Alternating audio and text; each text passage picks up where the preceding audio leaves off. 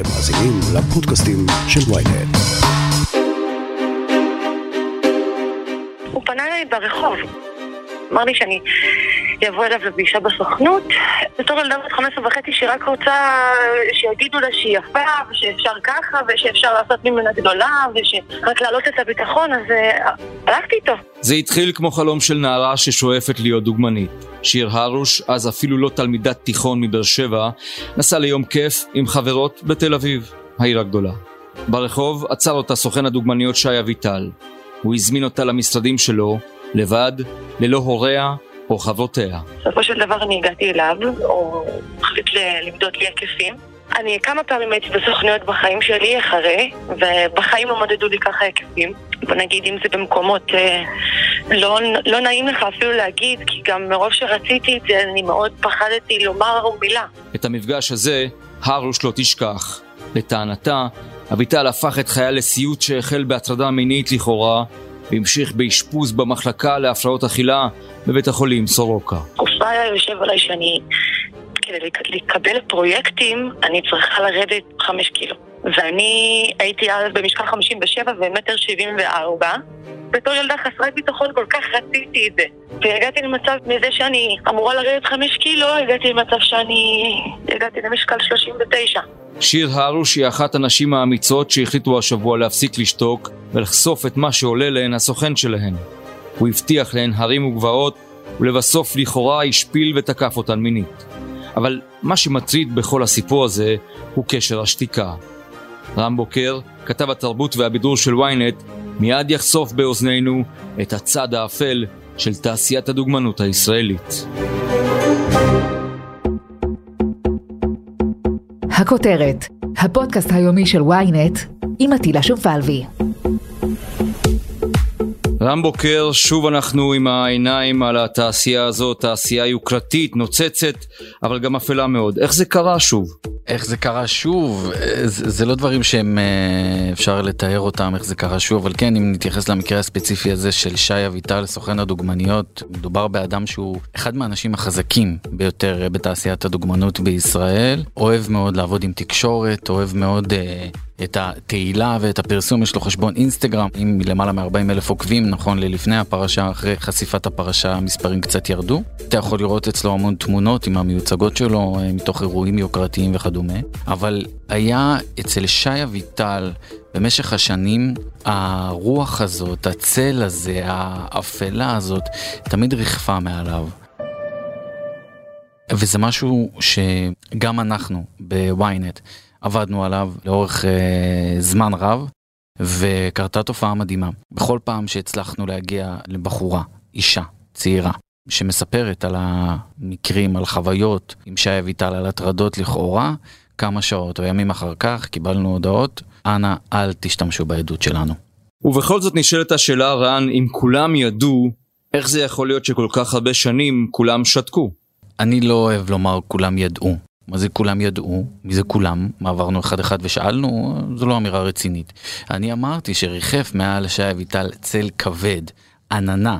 לגבי שאלת הטרדות לכאורה, אלה דברים שאף פעם לא דוברו ב-level הזה, בעוצמה הזאת.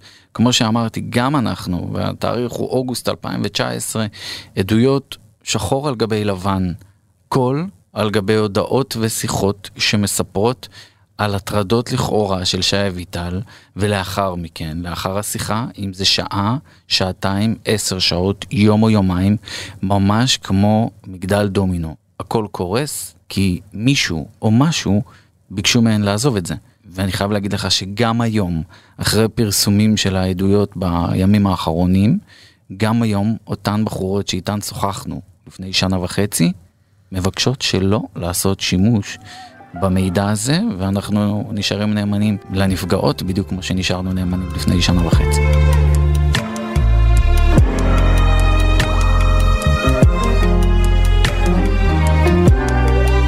בוא נדבר רגע על העולם הזה של הדוגמנות, טלוויזיה, צילומים, הכל מאוד נוצץ לכאורה, אבל מאחורי הקלעים יש גם הרבה מאוד ניצול. יש כמה סוגים של אה, ניצול בתעשיית הדוגמנות, תעשיית המשחק. זה תחקיר שאנחנו מלווים כבר בוויינט הרבה מאוד uh, זמן, שזה למעשה סוכנויות שמשתמשות בפרסומות לתוכניות ספציפיות, או um, בשמות ספציפיים של כוכבים, כדי מה שנקרא לצוד את הצעירים, אולי נערים ונערות, אולי אנשים שחולמים להיות שחקנים ושחקניות ודוגמנים ודגמניות. ממש מזמינים אותם לאודישנים. כשהם מגיעים כבר לאודישנים, הם קולטים שאין באמת אודישן, אלא זה איזשהי סוג של הרשמה לסוכנות, שבמעמד ההרשמה כבר רוצים ממך אלפי שקלים. כל פעם זה תירוץ אחר, לפני שנים זה היה בוק, היום זה קורס משחק אה, או קורס אה, קידום באינסטגרם. זה סוג אחד של ניצול שעד היום, למרות התחקיר שעשינו בוויינט ולמרות תחקירים שעשו גם במקומות אחרים, עד היום אנשים נופלים ואני מקבל כל יום הודעות, אם זה לאינסטגרם או אם זה לכתובת המייל שלי, על אנשים שנפלו ולא יודעים מה לעשות. זה ניצול אחד. ניצול אחר, בואו ניקח דוגמה את הדוגמנית והשחקנית עומר נודלמן.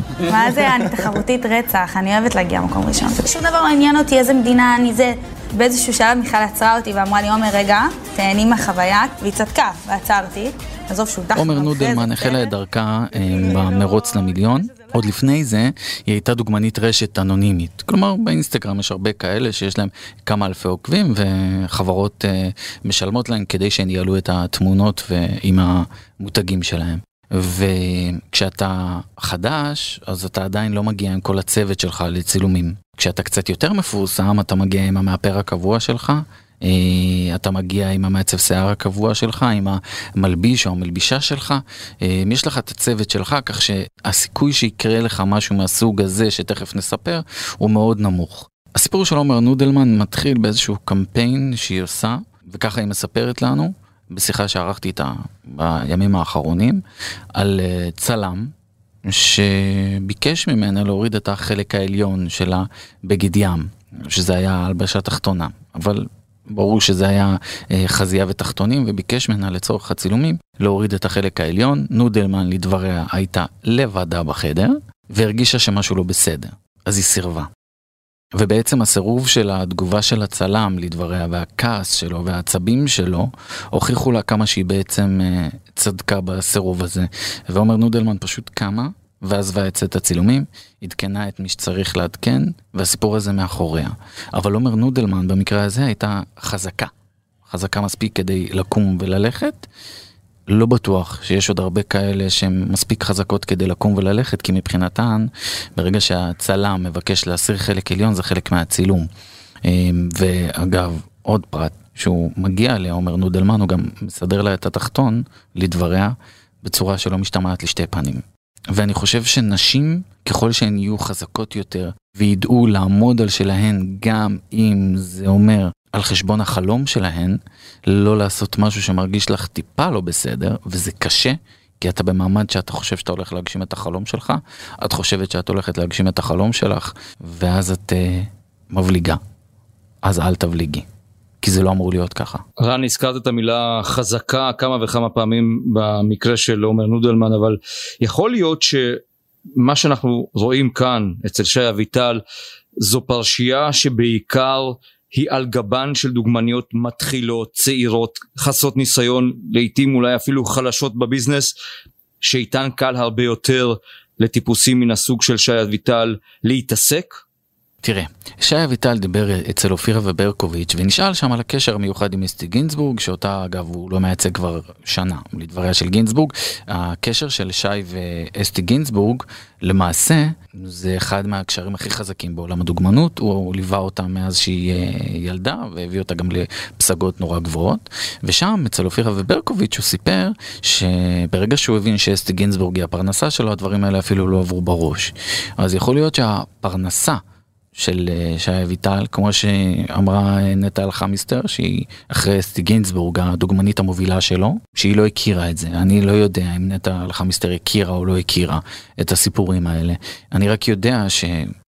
שאנחנו דיברנו איתן, מדובר בדרך כלל על המקרים, שוב, הפרטניים שאנחנו דיברנו, זה נשים שגרות רחוקות מהמרכז, ואלה נשים צעירות, לא מפורסמות, שרוצות להצליח. בתכתובות, שימי לב, שפרסמנו, ששי אביטל מתכתב עם סוכנת הדוגמניות נורית אורגל, בתכתובות וואטסאפ הוא אומר, אני לא צריך את הסוכנות כדי לזיין ילדות מפגרות שרוצות להצליח. אז נדמה לי שזה עונה לך אה, במשהו על השאלה. מיד, נמשיך עם הכותרת, אבל לפני כן, פרסומת קצרה. אהלן, זה עופר שלח. אני רוצה להזמין אתכם להאזין לפודקאסט החדש שלי מבית ynet. קוראים לו האמת היא, ובכל שבוע אני אשוחח בו עם דמות אחרת על סדר היום העתידי של ישראל, שזו דרך יפה להגיד שנדבר על כל מה שבאמת חשוב שהפוליטיקה תעשה בשבילנו. אז חפשו האמת היא באפליקציות הפודקאסט שלכם, יהיה מעניין.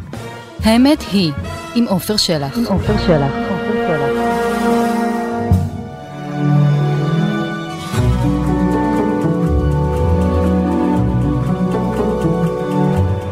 יש איזשהו קוד אתי בעולם הדוגמנות שגובש בשנים האחרונות לנוכח אה, אירועים דומים שכבר הפתיעו אותנו ואת הציבור הישראלי, או שהכל פרוץ שם? תשמע, אני לא מכיר קוד אתי כזה, בהינתן שאני לא מכיר דבר כזה, אני יכול לומר שמדברים שידועים לי זה נורא נורא נורא פרוץ, ולראיה הסיפור של שיר הרוש האמיצה שבאה וסיפרה, אה, כמו שהשמעתם בהתחלה, ש... פשוט הלכה בתל אביב, בגיל 15 וחצי, ביום כיף, ופתאום אתה יודע, החלום הגדול, אה, סוכן דוגמניות נתקל בה ואומר לה בואי איתי למשרד, והיא באה איתו, כי היא מאמינה לו. אני חושב שבהינתן שאין קוד אתי או חוק, נדרשת חקיקה שאוסרת על סוכן דוגמניות או סוכן שחקנים לבוא במגע כלומר גם לא פגישה עם קטין או קטינה, צעיר או צעירה מתחת לגיל 18, לא יכול לקרות דבר כזה. עצם הפגישה עצמה תהווה עבירה פלילית. נכון, יש כאן פגיעה בחופש העיסוק, נכון, יש כאן פגיעה אה, בחופש של הסוכנים אה, לעבוד כמו שצריך ולהיפגש עם הלקוחות אה, פוטנציאליים, אבל אני חושב שהערך כאן של שמירת הביטחון אה, האישי אה, ומניעת עוגמת נפש רבה. חשובה יותר והערכיות של זה והתרומה של זה לעניין היא גדולה הרבה יותר מאשר חופש העיסוק של הסוכנים האלה למרות שעדיין שגם אם גם היום אגב הסוכנים אותם סוכנים זה בדיוק הסיפור שמספרת שיר הרוש אה, האמיצה. אני ממש נכנסתי למין למין לופ בגלל הבן אדם הזה, כאילו אמרתי, כל מה שהוא אומר זה כזה, אני צריכה לשתוק ולא, ולא להגיב. אחרי שכאילו כביכול הוא מודד לי את ההיקפים, ואחרי שכל זה קורה הוא אומר לי, אנחנו צריכים את ההורים שלך. וכשהם הגיעו למעמד החתימה, הוא אמר לה, צריך שתביאי את ההורים. הרגשתי כל כך לא בנוח, שהיה בא לי פשוט אה, לבכות ולהגיד לאימא, כמו, ש, כמו שילדה רוצה, לרוץ לבכות לאימא, אבל מרוב שרציתי את זה, אמרתי, אמרתי, אני לא אגיד להורים שלי, כי גם ככה הם לא רוצים שאני אעשה את זה. אז אני לא אגיד להם את זה. ובסופו של דבר המשכנו. למעשה גם פגיעה בחופש העיסוק אין כאן, כי למעשה אי אפשר להחתים אותם אם הם לא מגיל 18. לכן אני אומר שעצם הפגישה ללא אפוטרופוס תהיה עבירה פלילית, ואולי ככה נוכל באמת למנוע מאותם ילדים, מאותם ילדות, מצעירים וצעירות שחולמים ושבאמת מוכרים להם הרבה פעמים בעולם הזה חלומות שהם לגמרי ריקים מתוכן, אה, למנוע את עוגמת הנפש הזאת, למנוע את הצלקת, את הפצע האדיר הזה, שכל הזמן הולך ונפער בהם.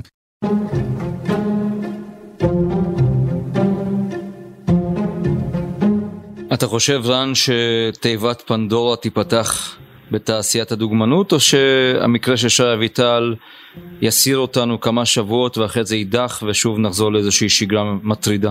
אה, אני חושב שהתיבת פנדורה הזאת קיימת, אה, וזה לא שהיא נפתחה עכשיו, אני רק מקווה שהסיפורים האלה יובילו לכדי, אה, אם הם נכונים, בהנחה שאנחנו, כל מה שאנחנו יודעים, אתה יודע, עם הוספת הלכאורה וכדומה, למשל כששומעים למשל את שיר הרוש מספרת ומדברת, נורא קשה שלא. להאמין שמרגישים את הצלקות שלה בקול, גם היום, עשר שנים אחרי שאירע המקרה, אז אתה בעצם יכול לקוות שהמקרים האלה באמת יגיעו לחקר האמת על ידי המשטרה, אה, ואחר כך אולי גם בעונשים בבתי המשפט. פחות חשוב התיבת פנדורה, הגודל שלה. חשוב מה יעשו עם מה שכבר קיים, כי זה אולי ירתיע אנשים בהמשך מלהתנהג ככה. כי כמות העדויות והטענות אה, שיש אה, נגד שי אביטל זה כמות שרק הולכת ותופחת, ואני מקווה מאוד שזה יזהיר גם אחרים אה, שפועלים, אם הם פועלים ואם יש כאלה שפועלים בצורה הזאת, ואני גם מקווה שזה אולי הכי חשוב, שזה יגרום גם לרשות המחוקקת וגם uh, לרשות המבצעת וגם uh, למשטרה ולמערכת אכיפת החוק לטפל בנושאים האלה. ולא לסגור את התלונות אם ישנן, uh, שהיום אנחנו יודעים כבר שיש כמה תלונות שהוגשו כבר, להתייחס אליהן במלוא הרצינות, ואם אותן בנות יבקשו בבוא הזמן, כי בסוף הסערה התקשורתית תירגע. יכול להיות שהבנות האלה יישארו לבד, מה שקורה הרבה פעמים שתקשורת מפסיקה ללוות, כי יש עניין חדש עכשיו, אז בסוף הבנות האלה נשארות לבד ואחר כך אולי הן ספגות איומים ואחר כך אולי גם הן צריכות לעבור את התהליך הקשה הזה ולפתוח את הפצעים שלהם אז גם אם הבנות יחזרו בהן אני באמת מבקש מהמשטרה לא להפסיק לחקור עד כמה שבאמת החוק מאפשר את זה. רם בוקר כתבנו, המון תודה על הפרטים האלה, ולפני שניפרד, ססי גז, עורך דינו של אביטל, מסר בתגובה לפרסומים אצלנו בוויינט, לא בוצעה שום עבירה פלילית, ובידי מרשי ראיות למכביר להוכחה שאין אמת בטענות. עד כאן הכותרת להיום, מחר נהיה כאן שוב עם פרק נוסף. אתם מוזמנים להאזין לפרקים נוספים בוויינט, בספוטיפיי, באפל ובכל אפליקציות הפודקאסטים באשר הן. אם יש לכם הערות, בקשות או רעיונות, אתם מוזמנים ליצור איתי קשר באמצעות האימייל podcaststrudelynet.co.il עורך הפודקאסטים שלנו רון טוביה, בצוות ערן נחמני ושחה ברקת, על הסאונד ניסו עזרן. אני עטילה שומפלבי, נשתמע מחר.